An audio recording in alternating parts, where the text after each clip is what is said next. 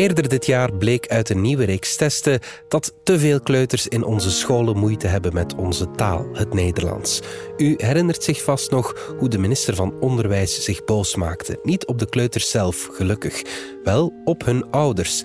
Hij dreigde zelfs met repressieve maatregelen. We moeten nadenken over mogelijkheden om in te grijpen wanneer ouders manifest de ouderlijke verantwoordelijkheid ontlopen. Bijvoorbeeld door in te grijpen in het groeipakket. Dat zei hij. Onze columnist Wouter de Pre mengt zich graag even in de discussie over de koala en zijn Nederlands.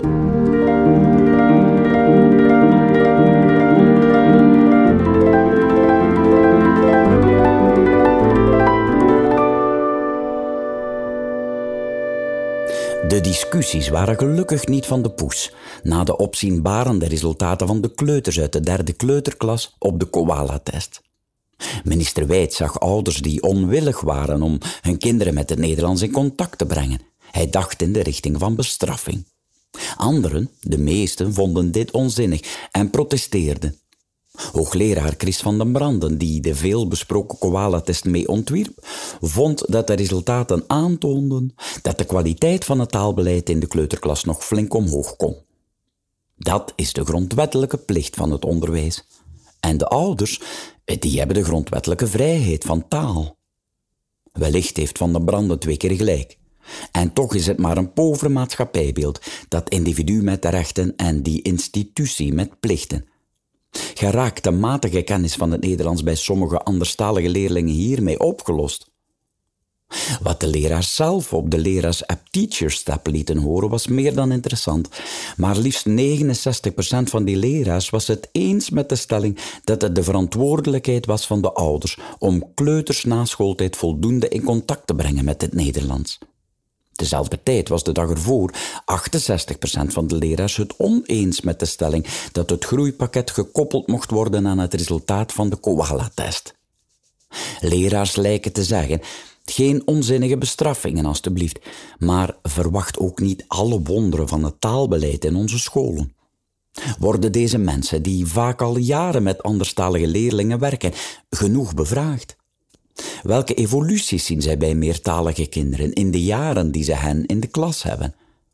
Hoe belangrijk is aanwezigheid in de kleuterklas, de invloed van Nederlandstalige vriendjes, de invloed van een homogene vriendengroep? In vele jaren vrijwilligerswerk in taallesjes en voorleesklassen voor anderstalige kinderen ben ik gelukkig geen ouders tegengekomen die hun kinderen bewust te weinig in aanraking laten komen met het Nederlands.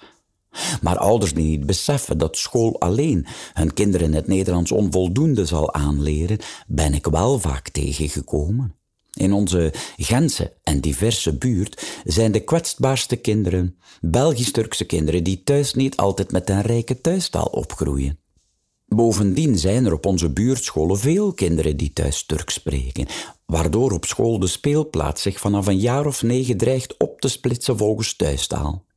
Ook als die thuistaal op de speelplaats niet wordt gesproken, worden die kinderen in het eigen groepje niet uitgedaagd door kinderen van wie ze spelenderwijs rijker Nederlands zouden kunnen oppikken. Zeker de jongens kiezen naast school makkelijker voor een buitenschoolsactiviteit als voetbal, waar ze vaak opnieuw in een niet heel gemengde taalgroep terechtkomen.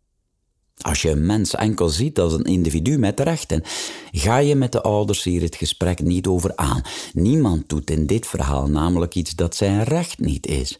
Maar het resultaat is soms wel dat een kind op het einde van het lager onderwijs niet voldoende rijk Nederlands heeft aangeleerd, met teleurgestelde ouders die niet weten wat ze onderweg anders hadden kunnen doen. Het individu weet vaak niet hoe het anders kan. De institutie krijgt het alleen niet opgelost. Maar hadden wij in Vlaanderen niet ooit een rijke traditie van emancipatie-initiatieven, zowel uit liberale, socialistische en katholieke overtuiging? Mijn ouders uit heel bescheiden milieu kweekten zelfvertrouwen, sociale vaardigheden en discipline bij de kajotters vanuit de ideeën van Cardijn.